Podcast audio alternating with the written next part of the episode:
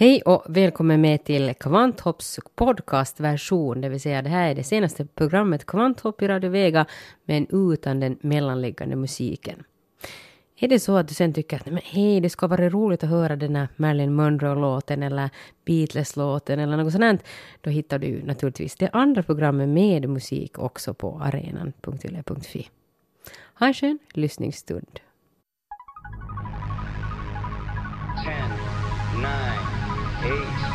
Ignition sequence start.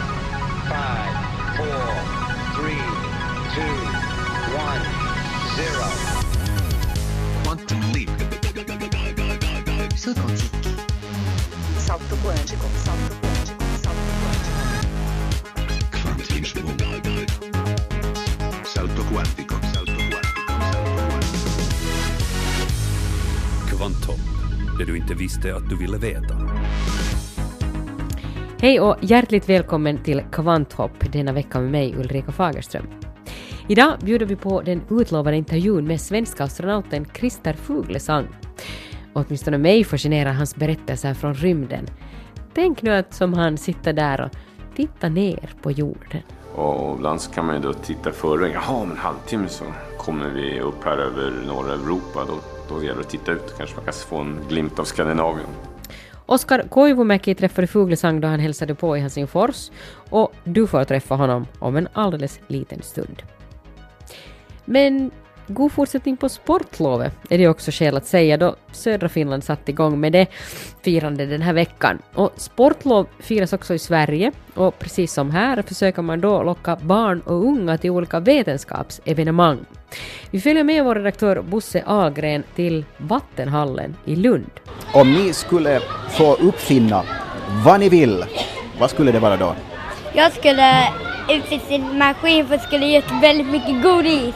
En eh, raket som har så mycket bränsle att den kan åka jättelångt ut i rymden. Mer av det här senare i programmet. Vi inleder i varje fall med veckans notiser.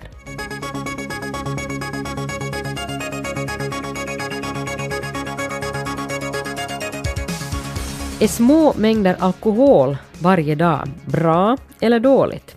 Det duggar ju tätt med den här typens undersökningar, men en ny brittisk undersökning ifrågasätter om det nu verkligen är nyttigt. Det handlar kanske snarare om att det inte är skadligt, men att det heller inte finns någon direkt nytta med det, menar forskarna. Den svenska professorn och alkoholläkaren Sven Andreasson, som uttalar sig för SVT, menar att det ofta är svårt att urskilja alkoholens inverkan på personerna i en studie och vad som är påverkan av någonting annat. Andreasson och hans kollegor gick nyligen igenom ett hundratal studier från år 1979 framåt som kommit fram med att ett glas eller två om dagen är bra. Andreasson menar att man kanske inte har varit så kritisk när man har gjort studierna förr och att resultatet är en form av önsketänkande. Ett annat problem är att det ofta saknas vetenskapligt korrekta kontrollgrupper. I de nyktras grupp ingår ofta tidigare alkoholister som ofta har en sämre hälsa trots att de inte längre dricker. I want to go to Mars not just to be a part of history, but to inspire people around the world. The colonization of Mars is the adventure of the century. Det blev ingen finländare utsedd till Mars-expeditionen Mars One, där målet är att frakta ett antal privatpersoner med envägsbiljett till planeten Mars. I början av veckan publicerade det holländska företaget nyheten om att det nu är 100 personer kvar av de ursprungliga 200 000 som sökte sig till expeditionen. Av de här kvarvarande 50 kvinnorna och 50 männen ska man nu fortsätta gallra fram lämpliga kandidater. Planen är att skicka iväg de fyra första år 2024. Men som sagt, det är fråga om enkel biljett eftersom det inte finns någon teknik för att ta dem tillbaka. Så att sådär hemskt ledsen tycker jag inte att de som inte blev uttagna behöver vara. Senare i dagens Kvanthopp så träffar vi den svenska astronauten Christer Fuglesang och han kommenterar också Mars-projektet. Hur hör du alltså om en stund. Men ingen finländare med och inte heller någon svensk. Ensamhet, det skulle man säkert känna om man skulle vara en av de fyra som skickas iväg. Om man sen av någon orsak skulle vara den enda som klarar sig om man sitter där långt ute i universum och inte har någon möjlighet att ta sig tillbaka. Uh, det låter ganska obehagligt. Men ensamhet existerar precis just nu också på den här planeten och ganska mycket. Det vet forskaren Nina Junttila vid Åbo universitet som forskar i ensamhet bland barn och unga. Hon utkom i januari med en bok om ämnet och vill ge det uppmärksamhet eftersom behovet är stort. Vi bad via Helsingin Sanomat folk att besvara ett frågeformulär om ensamhet och vi förväntade oss kanske max tusen svar, men vi fick 30 000, berättar Nina Junttila. Man kan vara ensam och trivas med det, men den som upplever sig ensam mår vanligen på många sätt dåligt av det. Det viktiga är ju då hur det går att motarbeta ensamhet och enligt Junttila så gör man det bäst genom att redan från början i livet stödja skolornas klubbverksamhet, morgon och kvällsverksamhet och att till exempel hålla klasserna små, för det brukar skapa en bättre stämning. Kvanthopp snabela yle.fi. Alldeles strax beger vi oss ut i rymden tillsammans med Christer Fuglesang som ju besökte Helsingfors häromveckan. Den svenska astronauten Christer Fuglesang föreläste i början av februari på teknik och naturvetenskapstävlingen Teknatur som arrangerades i Helsingfors. Jag fick möjligheten att snacka med Fuglesang som alltså är Nordens första astronaut. Christer, vi tar det från början. Hur blev du en astronaut? Det kan man ju säga på två sätt. Då. Ena, jag var alltid intresserad och fascinerad av rymden. Och så småningom började jag fundera på, får man någon gång chansen att åka ut i rymden men måste man ju försöka ta den. Men jag hade inga ska säga, riktigt konkreta planer. Tills en dag det dök upp en annons i tidningen och sa att eh, ESA, Europeiska rymdorganisationen, söker efter astronauter. Det var en platsannons faktiskt. Sommaren 1990. Då sökte jag. Alltså det var, det var inte någonting som du hade på det sättet tänkt på före du såg en annons i tidningen alltså? Jag var forskare i fysik då. När jag närmade mig disputation eh, så funderade jag lite på om jag skulle söka jobb på NASA faktiskt. Och sen så tänkte jag kanske att jag får väl hitta på ett experiment som är så klurigt smart så att de måste skicka upp mig för att utföra experimentet i rymden. Det var ungefär där mina tankar låg när den här, eh, dök upp, den här annonsen. Då. Det lär ju vara en ganska så här påfrestande utbildning att utbilda sig till astronaut, alltså både rent fysiskt och mentalt. Vad, vad tycker du att är det svåraste i utbildningen? Den svåraste övningen det tycker jag var när vi tränade för rymdpromenader. Vi gjorde det väldigt mycket i, under vattnet, i en jättestor pool. Där man då har på sig en modell av rymddräkten. Kan man hålla på i sex timmar. Man ska klättra runt på modeller av rymdstationen och hantera saker. Och det är både fysiskt och psykiskt eh, tröttsamt. Vad har dina konkreta uppgifter varit där uppe i, rymden? när vi kommer upp i rymden, man ska ta hand om rymdfarkoster, man ska kunna eh, laga den, man behöver ha lite praktiskt handlag så man kan eh, använda en robotarm, man ska kunna göra rymdpromenader som måste ha hyfsat eh, fysisk form, men absolut inte atlet eller något sånt där. Och man ska kunna utföra liksom, experiment åt andra forskare, då är det bra om man kan i alla fall förstå forskningsprocessen och sådana saker. Så att det är väldigt brett, alltså. då, får, då tar man en blandning av människor och sen så eh, får alla lära sig rätt mycket om allting. Fuglesang har alltså deltagit i två separata rymdfärder, 2006 och 2009. Båda färderna har gjorts med NASAs rymdfärja Discovery upp till den internationella rymdstationen. Men hur nervös är man egentligen inför starten och hur ser en normal arbetsdag ut uppe i rymden? Ja, lustigt nog inte nervös alls. Eh, långt innan så funderade jag på det här. Tänkte oj, kan man ens kunna sova natten innan? så mycket spänning. Så här. Sov jättebra. Man sitter i rymdfärjan, snarare man ligger på rygg, inte så bekvämt då, men eh, i två, tre timmar eh, innan starten. Ta plats och sen så tar det så länge innan den liksom startar. Och nästan halvsover där. Man funderar lite på kanske vad jag ska göra sen. Förbereder sig mentalt. Men eh, faktiskt inte alls nervös. Och det tror jag beror på att det känns så hemvant trots att det är första gången. Man har tränat och förberett sig mycket. Man liksom har gott självförtroende för det här. Eh, man har pratat med andra som har gjort det massa gånger. Så även om jag visste logiskt att eh, risken att det skulle liksom gå åt skogen enligt NASAs eh, egna bästa bedömningar, det var värre än ett på hundra alltså. Eh, och eh, så är jag ändå inte nervös därför att eh, rädsla är ju en känsla, det är inte logik. Liksom. Det kändes bekvämt och bra. Då. Hur ser en normal dag ut i en rymdfärja som befinner sig typ 400 kilometer från jorden? När dagen efter vi kommit upp i rymden, ja då eh, för vår del så var schemalagt att vi skulle ordna till in i rymdfärjan. Ska säga, möblera om en del, förbereda inför dockningen som skulle ske nästa dag med rymdstationen. Vi testade ut rymddräkterna som vi hade med oss upp själva, liksom, och kollade att allting är okej när vi väl har kommit upp. Eh, andra de kollade av att rymdfärjan var okej efter starten, hade inte hade fått några skador och sånt där. Sen så vid vissa givna tidpunkter så hade vi kanske eh, manövrer som vi måste göra med rymdfärjan för att vi skulle närma oss rymdstationen eh, på, på rätt sätt. Eh, sen så, eh, det är klart att det är en del tid som inte är helt schemalagt, men i praktiken så blir det gärna så att man då tar den tiden och förbereder sig för kanske nästa arbetsuppgift eller nästa dag. Så på en av de här två veckorna så tror jag jag hade en halvdag som var liksom, eh, fritid, om man ska vara lite strikt. Samtidigt så är det klart att man passar på då när man har lite, mm, några minuter här och där och titta ut de fantastiska vyerna över jorden. Och ibland så kan man ju då titta före, jaha om en halvtimme så kommer vi upp här över norra Europa. Då, då gäller det att titta ut, kanske man kan få en glimt av Skandinavien. Hur sköter man det här sina dagliga toalettbestyr ute i rymden? Ja, vi börjar med de enkla eh, grejerna. Så det finns ingen dusch därför att vattnet faller inte neråt och det är svårt att göra en dusch. Då, så att man ska tvätta sig får man ta en våtservett och hälla vatten på den då och tvätta av sig med den. Det kan man också använda den och spotta ut tandkrämen i till exempel eftersom man inte, det finns ingen ho att spotta i.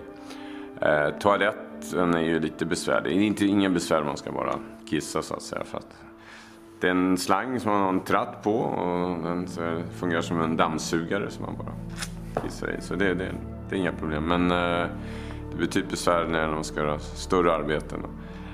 Igen då är det mer när det ska liksom suga in. Man har ett litet hål som man sitter och trycker i. Då. Därifrån finns det då, det ska suga upp men det är svårt att få tillräckligt mycket sugkraft. Då. I början kanske inte magen eh, fungerar på samma sätt. Eh, man har inte samma känslor i magen. Eh, man känner inte av nöd, nöd, nödigheterna eventuellt. Därför att det faller inte ner. Man måste mer mentalt komma ihåg i början på att man liksom äter ordentligt, går på toaletten och ordentligt både för att liksom kissa och göra större grejer. Så man märker alltså inte före, före det är för sent? Ja, det finns risk för det då. Så att det är folk som har råkat ut för till exempel urinblockage därför att man inte märkt att de är kissnödiga. Borde, eller de borde, de är, de är inte kissnödiga men de borde kissa. Och då kan det bli blockage och sådär. Hur skulle du beskriva den där känslan av att promenera i rymden? Ja, rörelsemässigt så är det väl lite grann som vistas under eh, vattnet. Eh, under riktigt, riktigt klart vatten. Så man liksom är högt ovanför botten. Men det är en väldig frihet att röra sig runt i tyngdlösheten och komma ut och göra en rymdpromenad. Det är liksom på något sätt det ultimata. Men ut i rymden kan man inte komma. Christer Fuglesang, du som ändå har vistats där ute i rymden, tror du att det finns liv där ute? Ja, det är jag helt övertygad om. Frågan är egentligen hur frekvent det är. Och det är den frågan som de flesta kanske tänker på då. Det är mera, var finns det några gröna gubbar någonstans? Om man börjar med det, det första, en enkel form av liv. Det är inte uteslutet att det kan finnas på andra platser i vårt solsystem till och med. Mars har vi inte kunnat undersöka så noga som vi skulle vilja. Det finns månar runt Jupiter som kanske skulle kunna ha eh, liv. Eh, om inte annat så upptäcker vi nästan varenda dag en ny planet runt andra solar, stjärnor inte så långt borta. Så vi vet att det finns väldigt många planeter i vår galax. Liv eh, bara skulle uppkomma på jorden verkar rätt osannolikt. Att det finns så många andra planeter så att de borde finnas en del som har ungefär samma betingelser som jorden och då sannolikt uppkommer liv där. Vi kanske är de enda i eh, vår eh, galax. Och det betyder att vi kommer aldrig kunna få kontakt med varandra. Men det finns garanterat eh, civilisationer på andra ställen i rymden också. Ett minst sagt kontroversiellt rymdprojekt är det holländska projektet Mars One som har som mål att etablera en permanent mänsklig bosättning på Mars år 2025. Det handlar alltså om privata aktörer som bland annat har tänkt producera en tv-serie av spektaklet. Det är tänkt att de fyra deltagarna får en enkel biljett till Mars och ska leva ut sina liv där. Jag frågar Fuglesang vad han anser om det här projektet. Ja, alltså jag är helt för att vi ska och vi är övertygade om att det kommer att skicka människor till Mars. Och det är mer en politisk ekonomisk fråga än teknisk fråga. Men Mars One, det projektet anser jag helt orealistiskt och även oetiskt. Eh, så att ehm, det, det tror jag inte på för fem öre. Men det, det som är bra med det, det är att det ja, skapar intresse för frågan och det får fler och fler att inse att ja, det är ju faktiskt möjligt och vi kanske borde göra det. Fast hur ska vi göra det? Och eh, så Mars One, det som ligger bakom dem, eh, det projektet, det, jag tycker inte att vi ska göra på det viset också. Hur ser framtiden ut för dig? Kommer du att få chansen att åka ut igen? Nej, inte om jag ska tro min eh, st- högsta chef som eh, direkt efter min första flygning när jag träffade honom, chefen för ESA då, som sa att ja, bra gjort liksom. Det, bra jobbat, vi, vi har en flygning till för dig, något liknande med NASA här om ett tag. Så. Men, men sen, that's it for you ungefär. Och hittills har han hållit sitt löfte.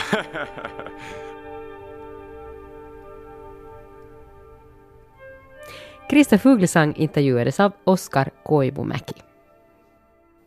Ja, det lät ju roligt det där som Krista Fuglesang berättade om att, att det är som att gå i vattnet, det där att promenera i rymden. Det skulle vara ganska roligt att prova på. Jag skulle inte ha lust personligen att åka ut i rymden, men, men just det där viktlösa tillståndet skulle, skulle nog vara roligt att testa. Men på tal om eh, att titta på jorden, som man också var inne på där, så, så publicerades i veckan en forskningsrapport om liv på jorden och att det enligt de här forskarna vid universitetet i Washington bör ha uppkommit minst en miljard år tidigare än man hittills har antagit. Det handlar alltså om mikroskopiskt liv och tidpunkten, den nya tidpunkten är nu drygt tre miljarder år sedan. Tre miljarder år sedan. De första livsformerna klarade sig utan syre men behövde kväve för sina olika livsprocesser. Men det kväve som fanns i atmosfären var ganska svåranvändbart. Och det som man nu då har hittat på de stenprover som man har tagit från några av jordens äldsta berg som då för övrigt finns i Sydafrika och Australien. Och det här, på de här stenproven så hittar man bevis för att det fanns ett enzym som kunde omvandla atmosfärens kväve till en form som olika livsformer kunde använda. Forskarna menar att det här fyndet tyder på att det är enklare för komplexa biologiska processer att utvecklas än vad man tidigare har trott.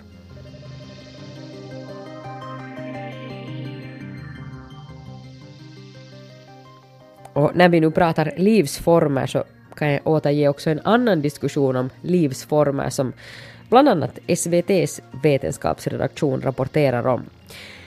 SETI-institutet i USA, som i 40 år, sedan november 1974, har letat efter signaler i rymden från annat intelligent liv och skickat ut signaler om oss, börjar nu bli otåligt och vill skicka ut ännu mer information ut i rymden. Och inget mindre än hela internet, förklarar chefen för institutet häromdagen, Seth Shostak. Varför internet skulle vara ett klokt val framgår inte faktiskt, men eh, det kanske kommer fram på den konferens som just nu pågår i Kalifornien. Det intressanta är att då man talar om intelligent liv ute i rymden så verkar man för det mesta utgå ifrån att om det skulle finnas så skulle det vara mer intelligent än det vi har att erbjuda med en ännu smartare teknologi och mer fantastiska energilösningar och allt sånt. Men tänk om det är tvärtom. Att de som vi hittar där, om vi hittar någon, är ett gäng busar som är ännu latare och ännu slappare och ännu mer krigiska än vad vi själva är. Då kanske det inte är så smart att skicka ut så himla många signaler om att de ska komma hit. Då är det kanske bäst bara att spela lite Beatles-låtar som också har skickats ut i rymden. Den här gick till exempel ut 2008 i samband med NASAs 50-årsjubileum, Across the Universe.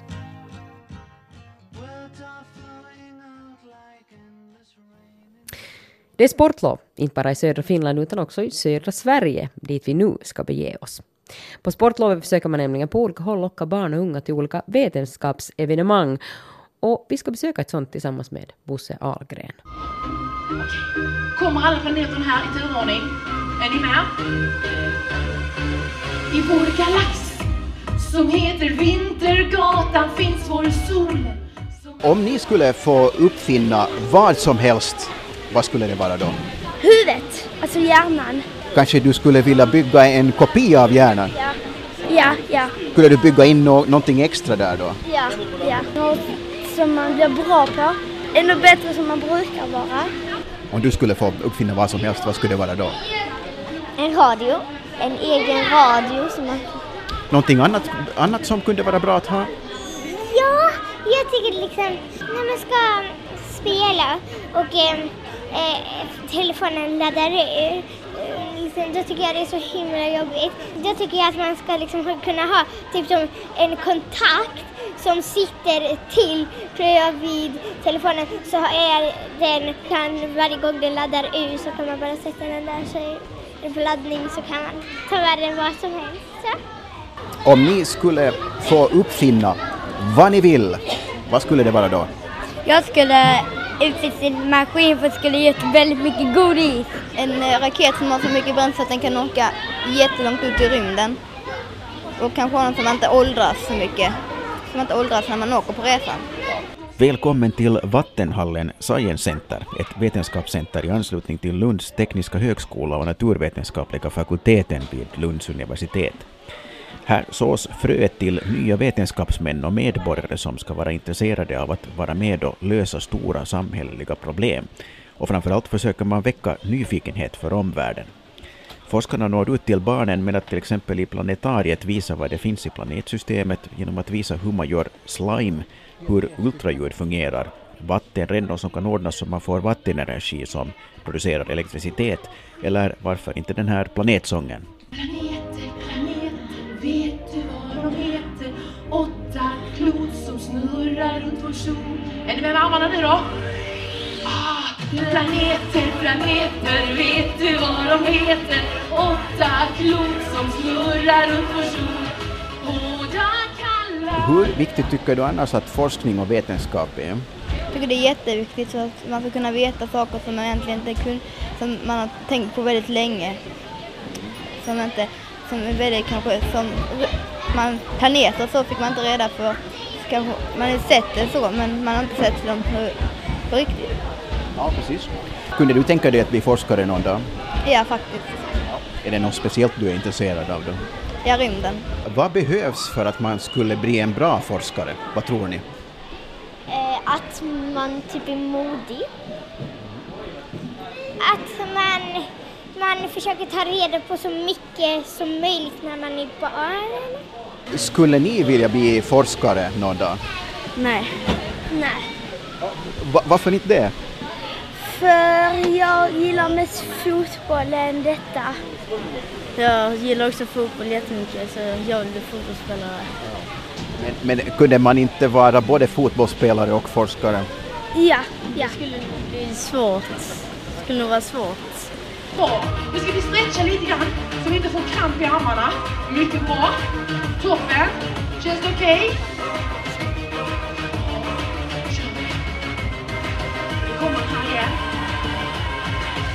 På ett science center är det hur roligt som helst. Vem vill inte experimentera, använda grunkor man aldrig sett tidigare eller bara klättra på en digital vägg som blinkar och talar. Hemma och i skolan väntar rutinerna. Hur ska man orka intressera sig för vetenskapen då? Det funderar Vattenhallens pedagoger Susanna Bernardini och Stefan Samudio på. Ja, det är framförallt för att man ska kunna utveckla sina tankar och använda sin hjärna, tycker jag. Eh, Känna glädjen i att lära sig någonting nytt. Det är oerhört viktigt och känna sig stärkt i att man vet att man kan lära sig någonting nytt. Mm. Sen har vi också eh, i alla fall någonting som jag själv brukar säga som jag tycker är viktigt att i framtidens, framtidens problem behöver de lösningarna som är i framtiden. De lösningarna som vi har här idag, det är inte säkert att de kommer fungera på de problemen som kommer ställas för, för till exempel nästa generationer som barnen är. Och därför behöver de få ja, bli medvetna om vad vi har för problem idag. Var, var tekniken är och var våra, vad ska jag säga, hur långt vi har kommit. För att då kunna på bästa sätt kanske få möjlighet att, att skapa de eh, lösningarna. Och i alla fall vara medvetna om det. det en, en viktig del också. Eh, Vad tycker ni som är pedagoger här på, på Vetenskapscentret? Vad, vad, finns det, växer den här intresset ute i samhället hos unga människor tillräckligt idag? Jag personligen tycker att i samhället så de frågeställningarna är inte slik, alltså det, i skolan kan man ta upp dem men utanför skolan och sånt så tycker jag inte det där är inte mycket sådana forum, där är inte mycket, alltså de ställs inte inför det. Vi har ju, vi har ju projekt som du var inne på. Men eh, jag kunde också uppleva att det var många där som inte riktigt faktiskt förstår vad vi har för problem just med energi. Alltså hur, hur mycket energi och klimat och så. Utan det var mycket bara, ja, alltså, ja. Ja, ja. det, det är det jag menar, då blir det viktigt att vi kan vara en plattform Ja. och en mötesplats där. Att Mm. man kan väcka de frågeställningarna. Mm. Och lyfta dem och att eleverna får jobba med dem och känna att ja, men jag är en del av lösningen här. Min idé lyfts upp och lyfts fram som en bra, ett bra exempel på så här kan vi göra i fortsättningen om vi hjälps åt och samarbetar. Och så är det kanske ofta lösningar som är kopplade till eleverna själva i deras vardagssituation. Men om alla skulle tillämpa det, om det blir tillräckligt effektivt, så gynnar det ju hela befolkningen och förhoppningsvis hela Mm. vår värld. Och sen är vi ju, vi är ju en stad där, det är många som forskar redan. Och det påverkar ju också den yngre generationen. Det ser vi. Vi har ju skolor från hela Skåne i upptaget, eller som kommer till oss. Och man ser ju direkt liksom, när det är Lunda-barn och så, så vet de ju direkt vad universitetet är. Och många föräldrar jobbar här på någonstans på universitetet. Men om man eh, går till en, får en klass från en mindre ort i Skåne så har de oftast ingen, ingen stor eh, information om vad ett universitet är. Och eh, framförallt inte en teknisk högskola. Vad kunde man göra för att få en större spridning för kunskap om vad som pågår här och om vilka problem vi har i framtiden som du nämnde? Där är en rörelse som jag tycker är lite, lite intressant som har eh, kommit till Sverige nu. Det är de här de kallar makerspace. Där det, det skapas ehm, ja, utrymmen där kommunerna kan gå in och, och eh, köpa in eh, eh, olika typer av dyra tekniska prylar och så sätter man dem till exempel som laserskrivare och symaskiner. Så sätter man dem på en plats ute i, i städerna, i byarna och sånt. Och då får människor komma dit eh, och använda dem. Och, och eh, ja, på det sättet. Eh, jag tror det kan vara en, att man skapar sådana här eh, platser och gemensamma ytor. Det tycker jag själv är väldigt intressant. Det håller på att hända här i Lund men också runt om i Sverige. Ja, sen, eh, sen har vi ju föreningar som är här och, och introducerar sig själva och, och försöker inspirera eleverna till att gå med i deras föreningar som till exempel unga forskare som, som kan eh, där, där, där många gånger är det nämligen så att man känner sig själv kanske att ja, men jag har inte den förmågan att komma hela vägen till att åh, ska jag bli forskare? Jag kan ju inte tänka riktigt. Men det kan alla, alla och alla kan lösa problem. Sen i vilken omfattning man har lust att syssla med och lösa just ett problem eller två problem, det är, det är väl kanske snarare det med tålamod att man ska hitta den vägen.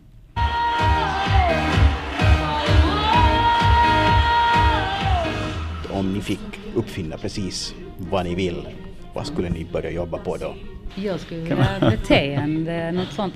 Om man skulle kunna uppfinna hur man kan programmera människors hjärna och ta bort eh, vissa så här, eh, om, man skulle kunna ta bort så här, girighet, eh, så här. Ja, det hade jag velat. Men det är ett intressant ämne tänker jag också, kombinera människans tänkande med tekniken. Om, om man skulle hitta en lösning där, där man hjälper hjärnan till att bli ännu effektivare. Är ni säkra på att ni inte vill bli forskare? Riktigt säkra? Jag är jättesäker. För att det kan bli liksom en farlig explosion som gör så att man dör. Så jag vill inte visa. Och så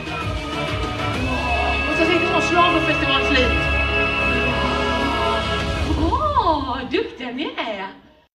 Jag vill inte bli forskare för att det kan bli en farlig explosion, sa flickan där. Det var Bosse Agren som tog oss med till Lund i södra Sverige.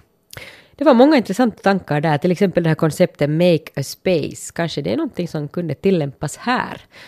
Kanske du som lyssnar på det här kom på en egen idé som skulle kunna tillämpas på din hemort.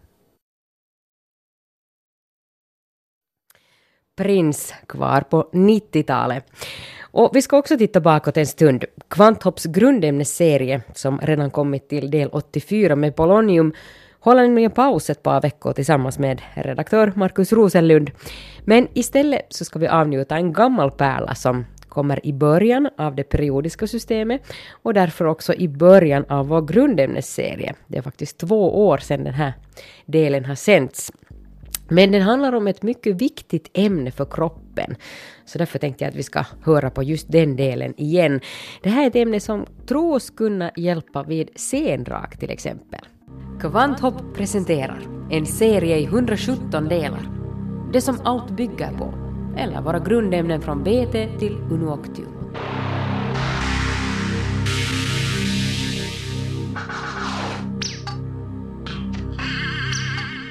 Del 12, magnesium med atomnummer 12, förkortas MG. Magnesium räknas till de alkaliska jordartsmetallerna och är mycket vanligt i jordskorpan. 13 procent av jordens massa består av magnesium beräknas det, fast huvudsakligen utvinns magnesium ur havsvatten. Rent magnesium är en relativt mjuk metall, väldigt lätt. Den väger 30 procent mindre än aluminium och bara en fjärdedel av stålets vikt. Fast magnesium trivs inte ensamt. Faktum är att det bara förekommer i förening med andra ämnen här på jorden. Magnesiumsulfat till exempel finns i mineralsalt. Magnesiumkarbonat används av idrottsmän. Till exempel tyngdlyftare sätter det på stången för att förbättra greppet när händerna är fuktiga. Magnesium är en mycket viktig komponent för allt levande här på jorden. Det spelar till exempel en nyckelroll i växternas fotosyntes. Vi människor behöver magnesium bland annat för hjärtat och blodcirkulationen. Det underlättar också kroppens upptagning av A och E-vitaminer bland annat. Brist på magnesium kan orsaka spasmer och högt blodtryck. Bra källor till magnesium är bland annat nötter, fullkornsprodukter, grönsaker och spenat. Stora doser av magnesium orsakar diarré och magnesium används följaktligen också som laxerande medel. Men magnesium är nyttigt också i många industriella sammanhang. Det är ett mycket vanligt konstruktionsmaterial och förekommer ofta i legeringar med andra metaller som aluminium till exempel. Ensamt är det inte tillräckligt hållbart. Men man blandar ofta i magnesium då man vill spara vikt. Sportbilar, fälgar, mobiltelefoner etc. etc. Magnesiumpulver brinner mycket bra och fotografer använde det förr i tiden i sina blixtar. Det brinner med ett vitt kraftfullt sken och därför används det numera till exempel i nödraketer.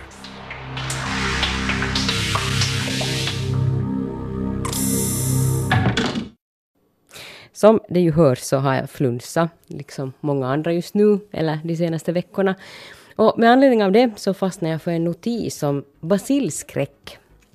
Desinfektionsmedel för händerna sköljde ju in som en våg över Finland hösten 2009 i samband med svininfluensasituationen och konsumtionen har därefter hållit sig rätt hög.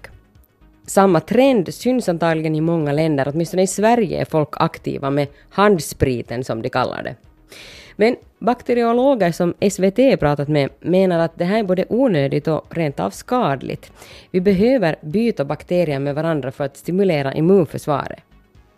No, snabbt rättar man ju till situationen om man så vill. Just nu är det ju enkelt att bara gå in på första bästa café eller i en butik eller ett offentligt transportmedel så får man sen behövlig dusch. Eller som den där undersökningen i New York tunnelbanan här om veckan där man hittar både böldpest och mjältbrand på de amerikanska stationerna. Men handtvätt lär på många sätt vara det effektivaste sättet att få rena händer eftersom det mekaniska gnuggandet tar bort sådana bakterier som handspriten till exempel då inte klarar av. Och kom ihåg den här rekommendationen att tvätta händerna lika länge som det tar att sjunga Happy birthday. Du får just möjlighet att testa det. Mitt namn är Ulrika Fagerström och jag tackar för sällskapet. Kom ihåg vår sida på Svenska Yles webb, svenska.yle.fi vetenskap samt Kvanthopps sida på Facebook. Vill du höra det här programmet eller ett annat program på nytt hittar du den på arenan.yle.fi och där hittar du också podcastversioner, det vill säga sådana som är utan musik. Vi tar nu och avslutar dagens program med just Happy birthday. Här med Marilyn Monroe då hon sjöng det för den amerikanska presidenten JF Kennedy år 1962 vid hans 45 års födelsedagsfirande. Hej då!